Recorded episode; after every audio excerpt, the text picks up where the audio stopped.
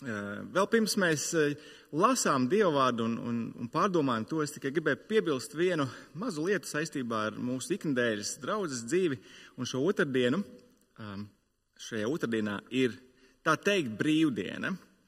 Brīvdiena, kurā, kurā vadītāji joprojām zumā pulcēsies, lai, lai tā teikt svīstu, svīstu pie nākamās lielās sadaļas vēstulē korintiešiem. Un, um, Tāpat laikā visi pārējie mēs esam aicināti radoši izmantot šo otrdienu. Varbūt iziet eh, kādā pastaigā, paķert līdzi vēl kādu citu no rajona, iziet kādā pastaigā vai arī vēl pie vakara tējas pārlasīt. Pārlasīt, jo pagatavoties padomāt par nākamo lielo sadaļu vēstulē korintiešiem, jo tā ir piņķerīga. Jau tā vēstule nav no tām vienkāršākajām, bet šī sadaļa būs tāda kurai jāpieliek vēl papildus, papildus pūles. Tā kā es domāju, ļoti labs laika izlietojums. Pareizi. Labi, draugi, šajā brīdī eh, ķersimies klāt, turpināsim mūsu kopīgo laiku Lūkas evanģēlijā. Atvērsim, atvērsim 1045. Eh, lapas pusi un nolasīsim no Lūkas evanģēlija 12. nodaļas 13. līdz 34. pantam. Lūkas evanģēlijas 12. nodaļa 13 līdz 34. Pāns.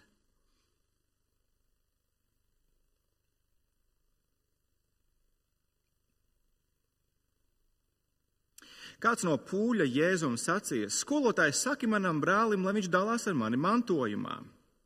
Viņš tam atbildēja: Cilvēki, kas man iecēlis jums par tiesnesi vai mantas dalītāju? Un viņš tiem sacīja: Pielūkojiet, sargieties no jebkādas mantrausības, Pat pārpilnībā cilvēks nedzīvo no tā, ka viņam daudz mantas pieder. Tad viņš stāstīja tiem līdzību. Kādam bagātniekam lauki atnesa labu ražu. Viņš sāka pie, tiem, viņš, viņš sāka pie sevis spriest. Ko lai es daru? Man nav kur savākt savus augļus. Tad viņš teica, es darīšu tā, nojaukšu savus šķūņus un uzcelšu lielākus, un tur savākšu visu labību un citus labumus un savai dvēselē es sacīšu, tev ir daudz labumu iekrāts uz ilgiem gadiem, atpūties, ēd, dzer un līksmo.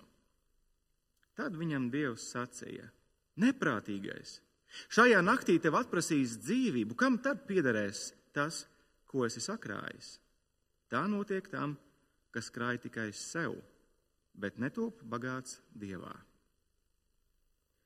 Un viņš sacīja saviem mācekļiem: Tādēļ es jums saku, nezūdieties savas dzīvības dēļ, ko ēdīsiet, ne savas miesas dēļ, ko vilksiet mugurā. Jo dzīvība ir vērtāka nekā barība, un miesa nekā drēbes. Pavērojiet kraukļus, ne tie sēji, ne tie pļauj, tiem nav ne klēts, ne šķūņa, bet Dievs tos baro. Cik daudz vairāk vērti jūs esat par putniem? Kurš gan no jums ar savu zudīšanos var pagarināt savu mūžu kaut vai par olekti? Ja par tādu nieku jūs nespējat, kādēļ tad zūdāties par visu pārējo? Pavērojiet lilijas, kā tās aug, ne tās nopūlas, ne vērpji. Bet es jums saku, pat Sālamans visā savā godībā nebija tā tērpies, kā viena no tām.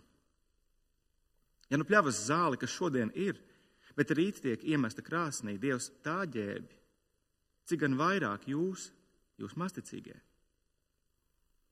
Nemeklējiet arī jūs, ko ēdīsiet un ko dzersiet, un neraizējieties. Pēc visa tā pagāni dzenas. Jūsu tēvs tāpat zina, ka jums to vajag.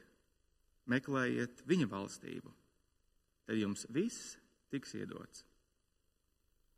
Nebīsties, tu mazais ganāmpulciņš, jo jūsu tēvam lapaticis dot jums valstību Pārdodiet savu mantu un izdaliet žēlastības dāvanās. Dariniet sev naudas makus, kas nenodilst, neizsīkstošu mantu debesīs, kur nec zaglis tiek klāt, nec kodas to sagrauž. Kur ir jūsu manta, tur būs arī jūsu sirds. Tas ir kunga vārds, un pirms mēs to pārdomājam šajā dienā, vēl uz brīdi pierimsim un lūksim viņa palīdzību.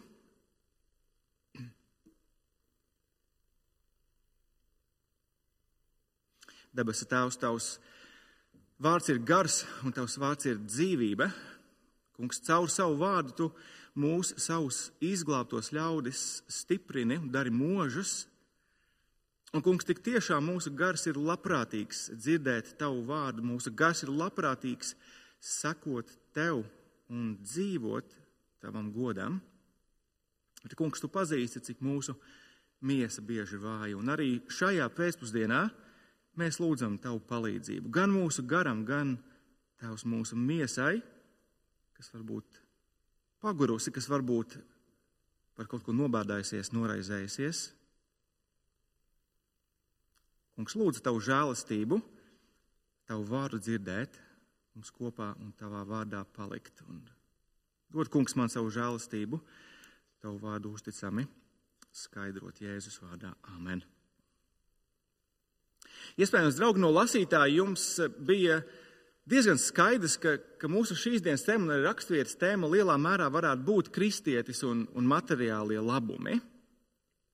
Jo tāpat kā visi cilvēki, arī kristieši šajā pasaulē ir spiesti saskarties ar dažāda veida, dažāda rakstura materiāliem jautājumiem. Īpaši šajā laikā, kad darbs un ienākumi var nebūt tik stabili, arī kristieši var sākt pastiprināti raizēties par savu iztiku un dzīvību. Un jautājums ir, kā mums, kā kristiešiem, būtu jāuzlūko materiālie labumi. Vienmēr un arī tagad.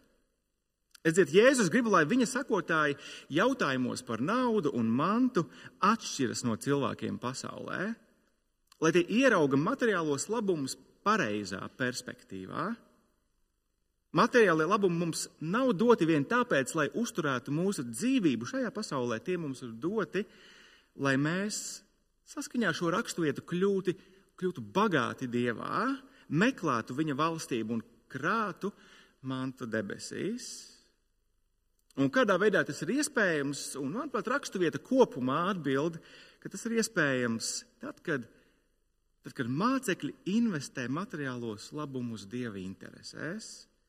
Darot to saskaņā ar Dieva valstības ekonomiku, Dievs pārvērš mūsu laicīgos labumus debesu dārgumos. Es zinu, pirmie brīdi izklausās nedaudz no labklājības, pārticības, evaņģēlijas zortes, kā tas darbosies, bet redziet, tā nav. Ieskatieties kopā ar mani 33. pantā mūsu raksturvietā. Jēzus saka, pārdodiet savu mantu, izdaliet žēlstības dāvanas, dariet sev naudas makus, kas nenodilst, neiznīkstošu mantu debesīs, kur nec zaglis tiek klāt, nec kodas tos sagrauž.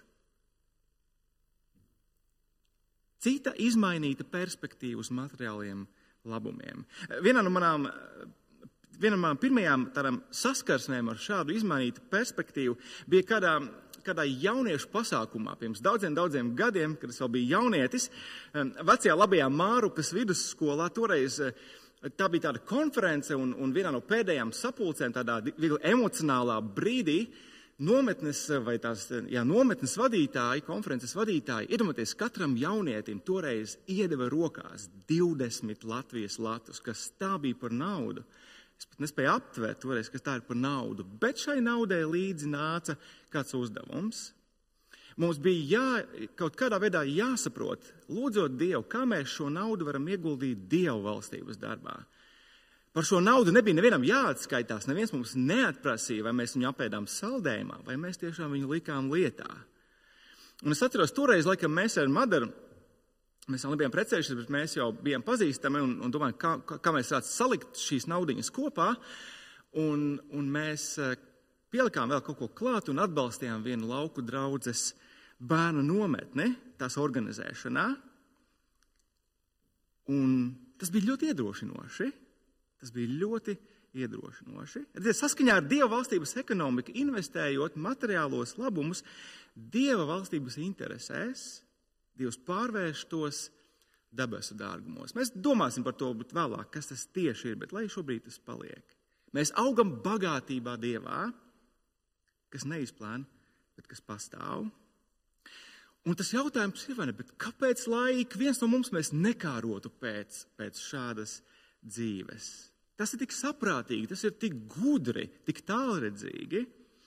Un, protams, reālajā dzīvē mēs, draugi, ik viens zinām, mēs pazīstam tos dažādos veidus, kādos nauda un manta spēj vilkt mūs dažādos virzienos. apakaļ pasaules virzienā. Kā, kā tas ir tavā dzīvē? Un kāpēc Jēzus grib, lai mēs iemantotu pareizu skatījumu uz materiāliem labumiem?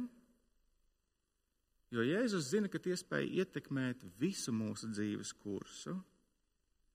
Jēzus grib, lai viņa mācekļi neraizējas par laicīgo iztiku, par, par mantu, bet paļaujas uz savu debesu tēvu un turpina uzticīgi sekot Jēzum.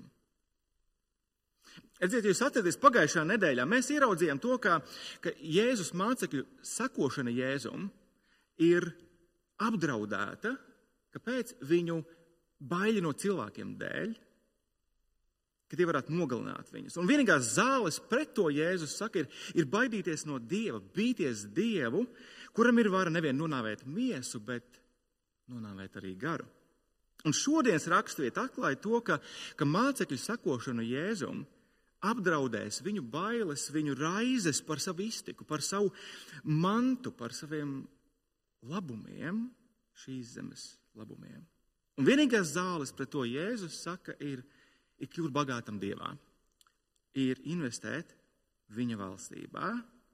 Un tad pirms Jēzus pievēršas saviem mācekļiem, un palīdz viņam ieraudzīt, cik saprātīgi ir paļauties uz, uz debesu tēvu. Viņš parāda to, cik muļķīgi ir to nedarīt. Un tā ir mūsu pirmā lieta, ieskatieties no, no 13. līdz 21. pantam. Tā ir raišpilnas dzīves muļķība. Raizes par, par mantiskiem labumiem, tās ir aklas, tās ir kurlas. Mēs redzam, 13. pantā Jēzu uzrunā, Jēzus uzrunā ļaužu pūli, jo kāds no ļaužu pūļa ir uzrunājis Jēzu ar jautājumu par mantojuma tiesībām. Kāds no pūļiem sacīs, skolotājs, saki manam brālim, lai viņš dalās ar mani mantojumā. Par ko tik cilvēki nedomā kādreiz, vai ne? Klausoties e, Dieva vārdos, klausoties Jēzus vārdos. Pirms brīža Jēzus iedrošināja savus mācekļus nebaidīties no ienaidniekiem, bet uzticīgi liecināt par Jēzu pat tad, ja tas viņam draud ar dzīvības zaudēšanu. Un tikmēr viens klausītāja rindās ir norūpējies par to, kā izbīdīt savas mantojuma lietas. Ko varētu pasākt ar visu to naudu šajā gadā? Cik gan akls un kurlas var būt raizes par mantu, vai ne? Un arī Jēzus uh, neuzlūko sevi par, par tiesnesi civiltiesiskajā procesā, 14. pantā, viņam ir kas svarīgs sakāms apkārt esošajai sabiedrībai. Ieskatieties 14. un 15. pants. Cilvēki, kas man ir iecēlis jums par tiesnesi vai mantas dalītāju? Un viņš tiem sacīja, pielūkojiet, sargieties no jau kādas mantrausības. Par pārpilnībā cilvēks nedzīvo no tā, ka viņam daudz kas pieder, Jēzus principā šeit pasaka divas patiesības. Šim vīram, kurš viņam uzdod jautājumu, Jēzus pasaka, dažreiz savu juridisko tiesību apmierināšana var būt arī mantrausības uzvara kaut kādā ziņā. Un pūlim kopumā Jēzus saka, draugi, cilvēka dzīve, cilvēka dzīve nesastāv no viņam piedarošās mantas daudzuma, burtiski no pārpilnības, no pārmērīgi daudz mantas. Un izskatās, ka Jēzum īstenībā pārāk daudz neinteresē tas, vai šī vīra prasība bija pamatota, vai tiešām viņš vēlējās dabūt sev pienākošos daļu. Jēzus atsakās iedziļināties šajā jautājumā pēc būtības. Jēzus nav nekāds apgabaltiesas tiesnesis, viņš ir visa visuma tiesnesis. Un tajā vietā Jēzus par savu uzdevumu uzskata iezīmēt lielos vilcienos to, cik smalka robeža var būt starp, starp savu tiesību apmierināšanu un mantkārību, ka tev vajag vairāk, daudz vairāk par pienākošos daļu. Par to arī Jēzus brīdina visu šo ļaužu pūli. Jēzus īsais kurs antropoloģijā, jeb, jeb mācībā par cilvēku, ir šāds: cilvēka identitāte un vērtība neslēpjas viņa šīs pasaules pārpilnībā. Un savu domu Jēzus ilustrē ar līdzību, kas ir, kas ir iemantojusi eh, brīnišķīgu nosaukumu līdzību par bagāto muļķi no 16. līdz 19. pantam. Ieskatieties, tad Jēzus stāstīja tiem līdzību. Kādam bagātniekam lauki ienesa labu ražu, un viņš sāka pie sevis spriest, ko lai es daru. Man nav kur savākt savus augļus. Tad viņš teica, es darīšu tā, es nojaukšu savus šķūņus, uzcelšu lielākus, un tur savākšu visu labību un citus labumus. Un savai dvēselē es sacīšu, tev ir daudz labumu iekrāts uz ilgiem gadiem, atpūties, ēd, dzer un līksmo. Mēs redzam, jā, šis vīrs tiešām bija bagāts. Un tajā laikā personiskās noliktavas, par kurām Jēzus šeit arī runā, tā bija, tā bija tāda cilvēku banka. Un šis vīrs gribēja īstenībā sev uzcelt lielāku banku. Man šķiet, ir vērts ieraudzīt īstajā gaismā šī vīra materiālo labklājību un kaut kādā ziņā viņa, viņa attieksmi pret to. Redziet, šeit nav runa par, par saprātīgiem uzkrājumiem, bet gan par pārmērīgu pārbagātību. Šeit nav runa par nodrošinājumu vecumdienām, lai pietiek, bet gan par greznu dzīvi. Šeit nav runa par, par pateicīgu sirdi, kas atzīst dieva dāsno devumu, bet gan par pašpaļāvīgu lepnību. Ieskatieties, 17, 18, 19, 19 pāns. Es, man, es darīšu, jo man nav kur glabāt. Es darīšu, es noplēsīšu, es savākšu, es sacīšu, mana dvēsele. Tev ir daudz labumu ilgiem gadiem. Baudē, dzer, līksmojies. Īstenībā mums ir jāierauga, kā šāds skatījums ir, ir izteikti ateistisks pasaules skatījums. Tas ir iracionāls, tas ir muļķīgs skatījums uz pasauli. Un mums ir jāsaprot, ka šis vīrs vienlaikus tik tiešām ir arī muļķis. Bagātnieka muļķība izpaudās divos vienkāršos aspektos.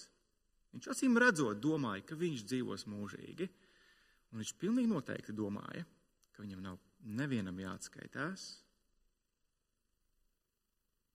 Šādu muļķīgu un iracionālu skatījumu uz, uz pasauli vienā teikumā ļoti labi iemiesoja savulaik slavenā ateistu autobusu kampaņa, kuras viens no autoriem bija slavenais ateists Ričards Dawkins. Un uz šī autobusa tolaik Londonā bija rakstīts šādi: Iespējams, dieva nav, tad beidz raizēties un baudi dzīvi. Iespējams, dieva nav, tad beidz raizēties un baudi dzīvi. Cik neprātīgam ir jābūt, lai tā domātu. Padomājiet, veselais saprāts, cik vienam cilvēkam saka, šīs zemes pieredze taču norāda, ka cilvēks nedzīvo mūžīgi. Un raksti brīdina par to, ka cilvēka dzīves beigās viņš būs atbildīgs sava radītāja un tiesneša priekšā. Iespējams, Dieva nav.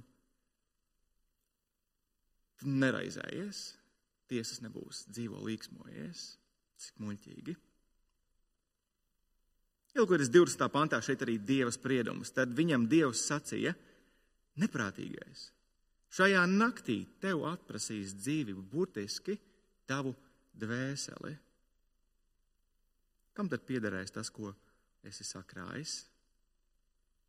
Bagātais muļķis viņš bija akls attiecībā uz to, ka viņa dvēsele nebija viņa paša rokās, viņa dzīvība nebija viņa paša rokās. Dievam ir teikšana par viņa dzīvi, par tās ilgumu. Un šis retoriskais jautājums 20. panta, 20. panta beigās, viņš tikai vēlreiz uzsver to, cik, cik muļķīgi ir krāt un krāt mantu šeit uz zemes.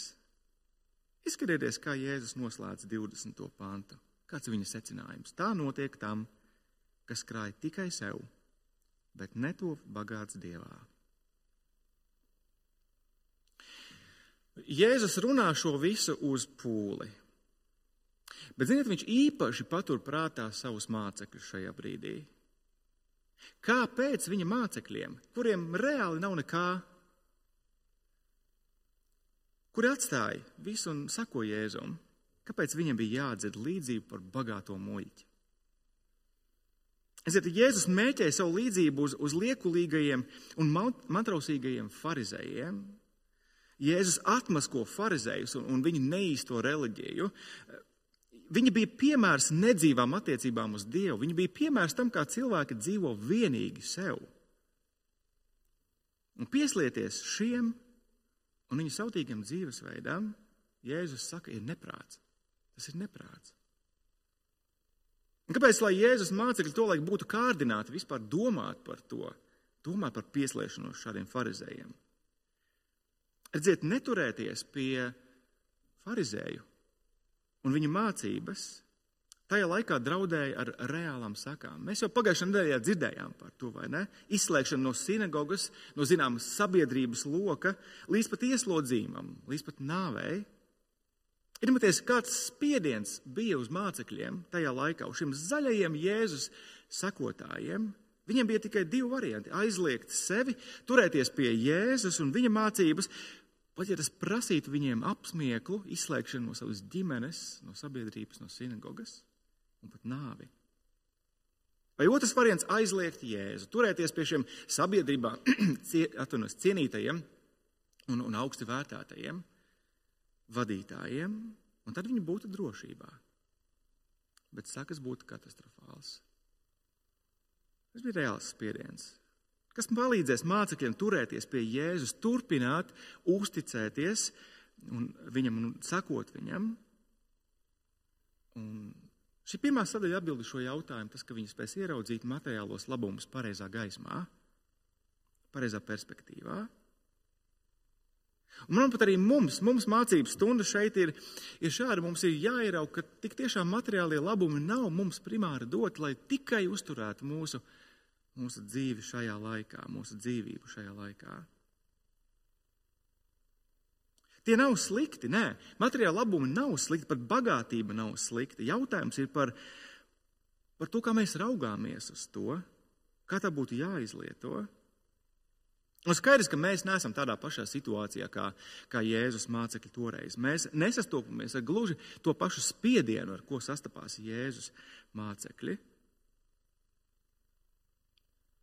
Mēs kaut kādā ziņā iespējams esam ar, ar zināmu izšķirtspēju, vai ne? Mēs tā domājam. Kad mēs šodien redzam šos TV evaņģēlistus un mācītājus slavenības, kas, kas lido savās stūrēs ar privātiem lidmašīnām vai brauc ar, ar Bentley mašīnām, uz kurien viņi brauc, mēs, mēs tūlīt kļūstam aizdomīgi, vai ne?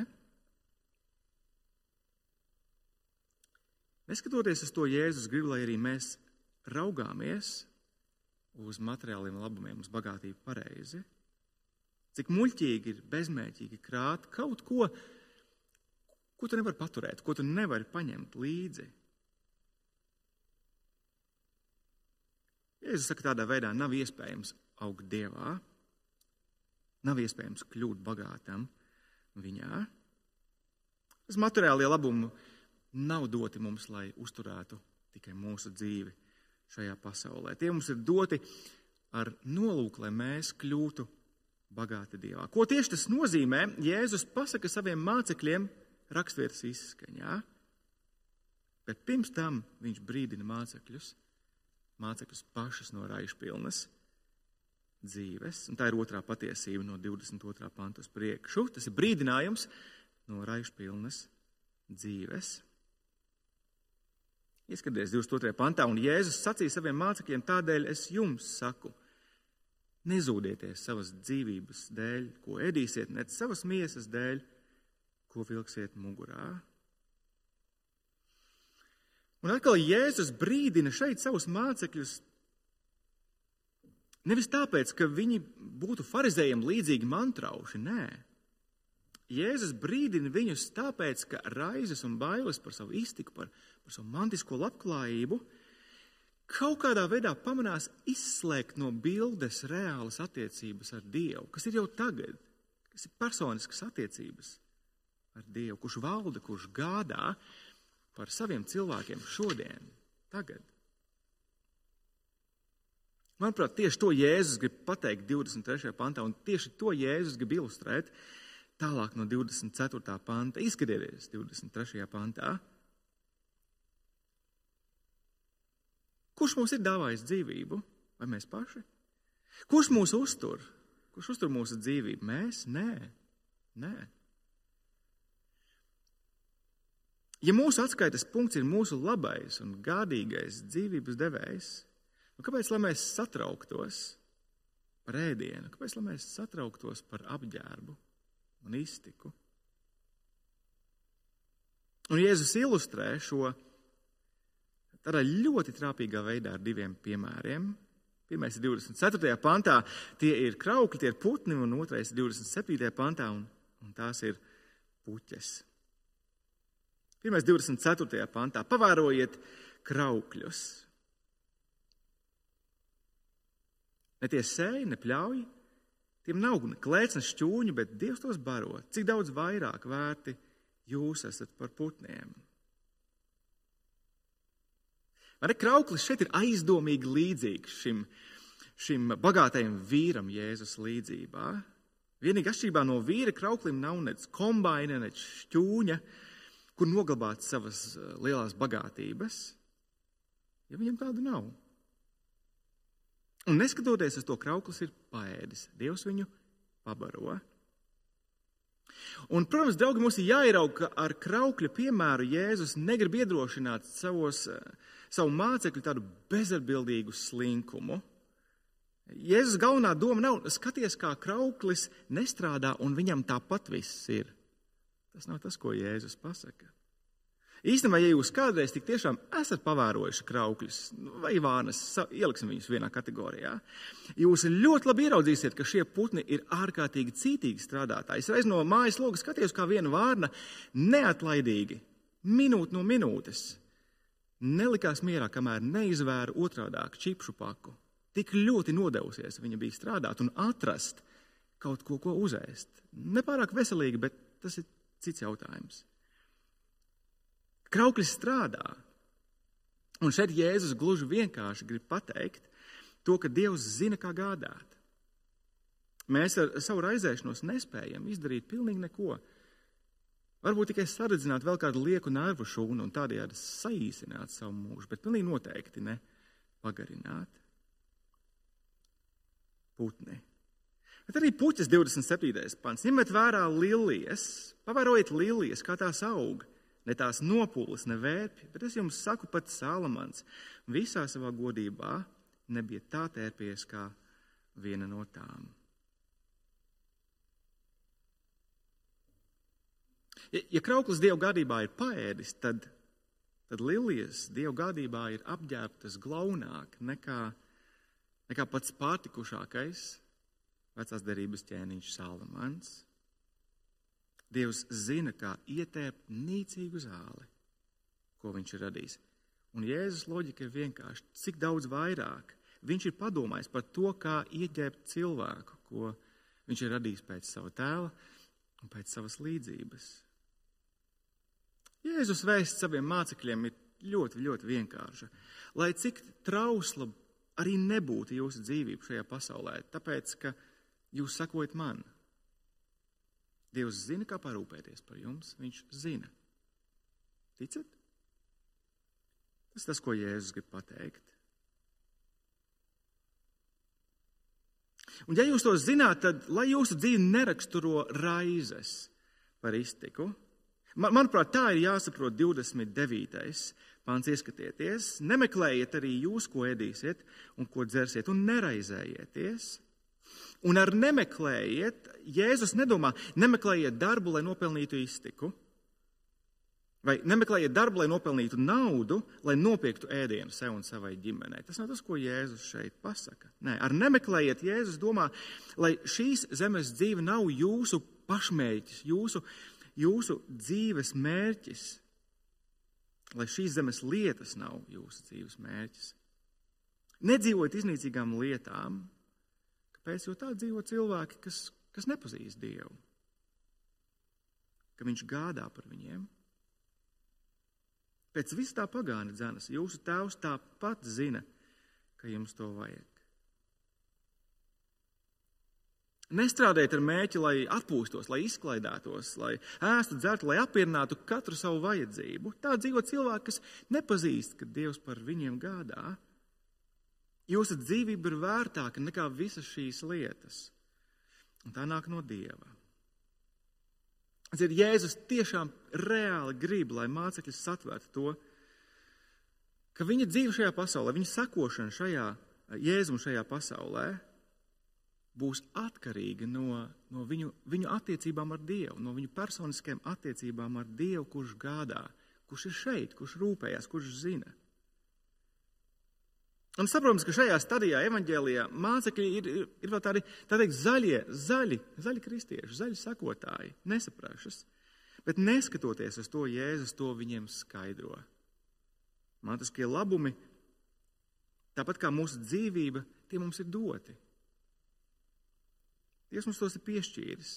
Un nevien, lai uzturētu mūsu dzīvi šajā pasaulē, galvenokārt, lai mēs kļūtu bagāti viņā. Un redziet, ja, Jēzum, ja Jēzus mācekļiem būs šādas, šādas dzīves attiecības ar Dievu, šāda izpratne, tad viņi skaidri ieraudzīs, cik muļķīgi, cik muļķīgi ir raizēties par to, ko mēs ēdīsim, par to, ko mēs dzersim, par to, ko mēs vilksim mugurā. Un, draugi, protams, ka tas izklausās kārtībā reiz elementāri, vai ne? Tas, ko Jēzus saka, nav, nav sarežģīti.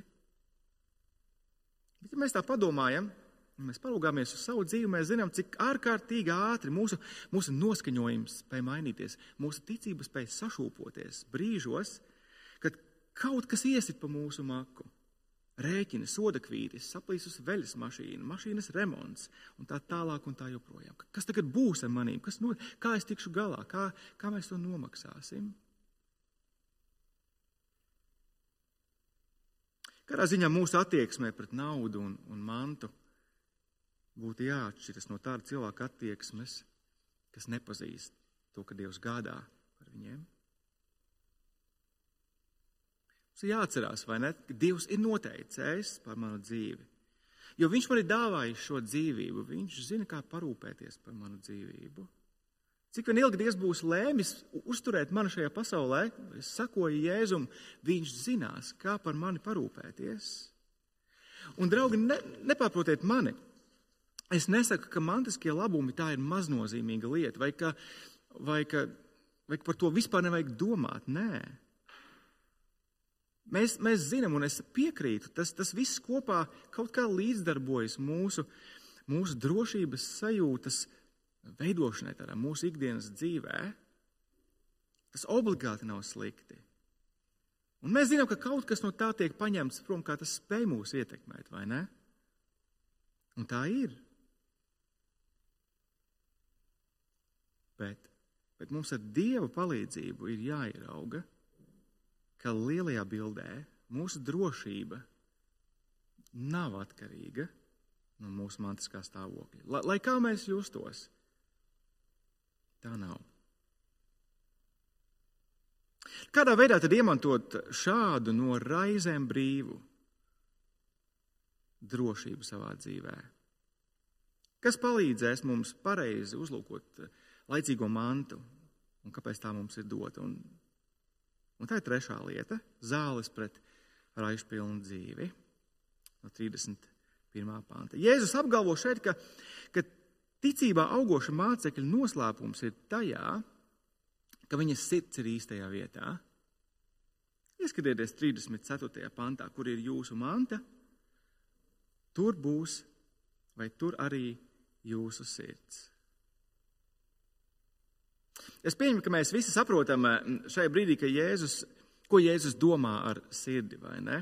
Tā ir metaforiska valoda, kurā Jēzus apraksta cilvēka dzīves tādus vadošos motīvus. Kāpēc mēs domājam, kāpēc mēs attiecamies, kāpēc mēs runājam un rīkojamies konkrētā veidā, kāpēc mēs kaut ko darām. Un kā mēs varam zināt, ka mūsu sirds ir īstajā vietā, Jēzus saka ļoti vienkārši. Mēs palūkojamies uz to, kādā veidā mēs izlietojam savu naudu un savu mantu. Tik vienkārši. Un Jēzus grib, lai viņa mācekļu sirds ir Dieva valstības lietās. Un tas būs iespējams tikai tad, kad, kad viņi spēs pareizi uzlūkot materiālos labumus savā dzīvē un ko tiem darīt. Vai jūs ieraudzījāt, cik daudz pavēles īstenībā ir no 31. līdz 33. pantam? Meklējiet, nebīsties, pārdodiet, izdaliet, dariniet. Citiem vārdiem sakot, dariet pēc iespējas visu, lai investētu Dieva valstības darbā, jo vienīgi tas ir paliekošs. 33. pāns ir skaists kontrasts pareizi ar bagāto ateistu. Investējiet Dieva valstības vai Dieva valstībā pārdodiet, izdaliet, dariniet nedilstošus makus. Mantu debesīs krājiet, kur zaglis netiek klāt, ne skodas sagrauž. Precīzs kontrasts bagātajiem muļķiem. Un, protams, ka katru reizi, draugi, Jēzus nesaka šeit, nu tagad pārdodiet pilnīgi visu, kas jums ir.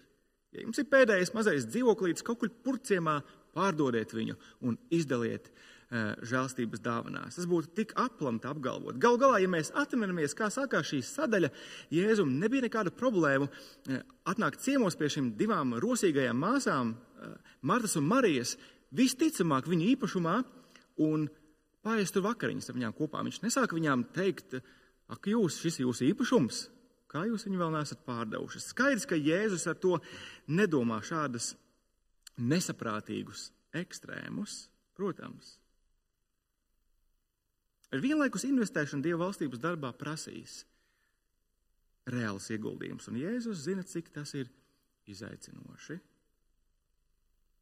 Kāpēc tas ir izaicinoši? Jo mēs nespējam šādu mantu sataustīt visai, vai ne? Mēs šādu mantu iespējams ilgi nespējam pat ieraudzīt. Un gal galā, kas ir šī manta debesīs? Kas ir šī netaustāmā drošā, nenozogamā manta debesīs? Kontekstā es domāju, ka ir droši teikt, ka šī manta ir īstenībā pieauguša paļāvība uz debesu tēvu un sekošana kungam Jēzum.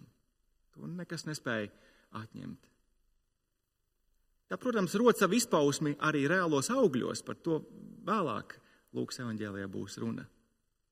Man liekas, šajā gadījumā šī manta, drošā manta debesīs ir šī paļāvība uz labo debesu tēvu, kas gādā un uz sekošanu kungam Jēzum pa pēdām. Jo redziet, bīstamība mums var būt tajā, ka mēs varam sākt raizēties, mēs varam sākt baiļoties par mūsu naudas, mantas, laika, prasmu, investīciju izlietojumu, jo mēs īsti mēs neredzam progresu kādreiz sevī, vai ne? Mēs neredzam, ka mēs augtu pietiekami ātri, kā mēs paši varbūt gribētu. Cik mūsu paļāvība bieži ir trausla, kad, kad šī, šī pasaule mūs sit kaut kādos veidos. Mēs sakām, vai tiešām ir vērts, vai tiešām ir vērts ziedot, vai tiešām ir vērts nopūlēties visā šajā.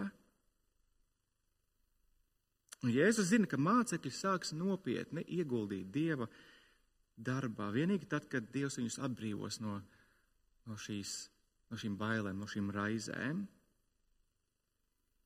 Un tas notiks tad, kad mācekļi satvers Dieva valstības godību, tās varenības apmēru. Ieskatieties 32. pantā. Nebīsties tu mazais, tu mazais ganāmpulciņš, jo jūsu tēvam ir lapaticis dot jums valstību. Cik apbrīnojami, vai ne? Mēs spējam meklēt dievu valdīšanu mūsu dzīvē, tāpēc, ka mūsu dabas tēvs to mums ir nepelnīti dāvājis caur Kristu.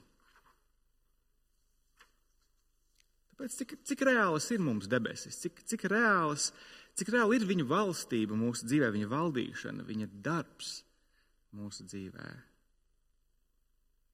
Es domāju, tik reāli, cik lielā mērā mēs spējam novērtēt Kristus krusta paveikto mūsu dzīvē pareizi. Jo vairāk mēs novērtējam to, jo pašaizliedzīgāki mēs īstenībā kļūstam ar dažādiem saviem resursiem. Kāds no Bībeles komentētājiem attiecībā uz šo ir, ir iekomentējis tieši par debesu valstības realitāti debesis diezinu vai būs reāls tādam, kurš neinvestēs tajā pamatīgu naudu. Tādā pašā veidā debesis būs reāls tam, kurš to izdarīs. Un tagad noslēgumā es šajā ziņā gribu, lai mēs esam iedrošināti. Es domāju, mūsu izmērā nelielajā draudzē teju visi no mums esam dalīgi pie Dieva valstības darba. Pareizi.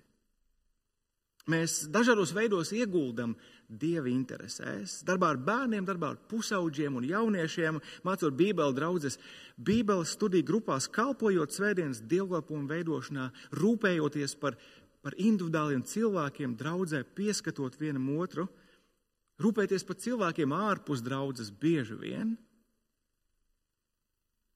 Es gribu, lai mēs esam iedrošināti Varbūt mēs gribam redzēt vairāk, lielāku izaugsmu šajā ziņā pie sevis, bet būsim iedrošināti. Un, draugi, šodien es īpaši vēlos uzteikt draugu īstenībā par, par pašaizliedzīgu finansiālu nodošanos. Skaidrs, ka mēs katrs mēs zinām savas iespējas un, un savus, savus robežus šajā laikā, kas nav vienkārši laiks. Kādi mums, no, no mums zina, ka mēs reāli nevaram ziedot vairāk šobrīd. Kādi mums zina, ka mēs varētu iespējams ziedot vēl vairāk. Bet bija tik īstenībā iedrošinoši dzirdēt no, no Mārtiņa šajā nedēļā, kurš savilka kopā aizdīto finansiālo gadu. Bija tik iedrošinoši dzirdēt, ka draudzene īstenībā ir reāli jūtami augusi pagājušajā gadā vēlmē un spējā dot valstības darbām, ieguldīt valstības darbā, salīdzinām ar 19. gadu. Un droši vien, ka Mārtiņš par to runās specifiskāk un vairāk, kad, kad nāks konkrētā svētdiena, bet cik tas ir iedrošinoši? Un tas iedrošina, ka, ka mēs, lai kā mums iet, mēs lūkojamies pareizajā virzienā, vai ne? Par spīti izaicinājumiem, par spīti grūtībām, par spīti sarežģījumiem, par spīti bailēm un nedrošībai, kādreiz raizēm. Mēs paļaujamies uz to, ka Dievs zina, ka Dievs zina, ka, ka, mums, ka mums ir vajadzīgas lietas, un Viņš gādā par mums, un Viņš mūs atbrīvo gādāt par Viņa darbu. Nebīsties tu mazais ganāmpulciņš, jo jūs tēvs lap, tēvam lapa ticis dot jums valstību. Lūksim.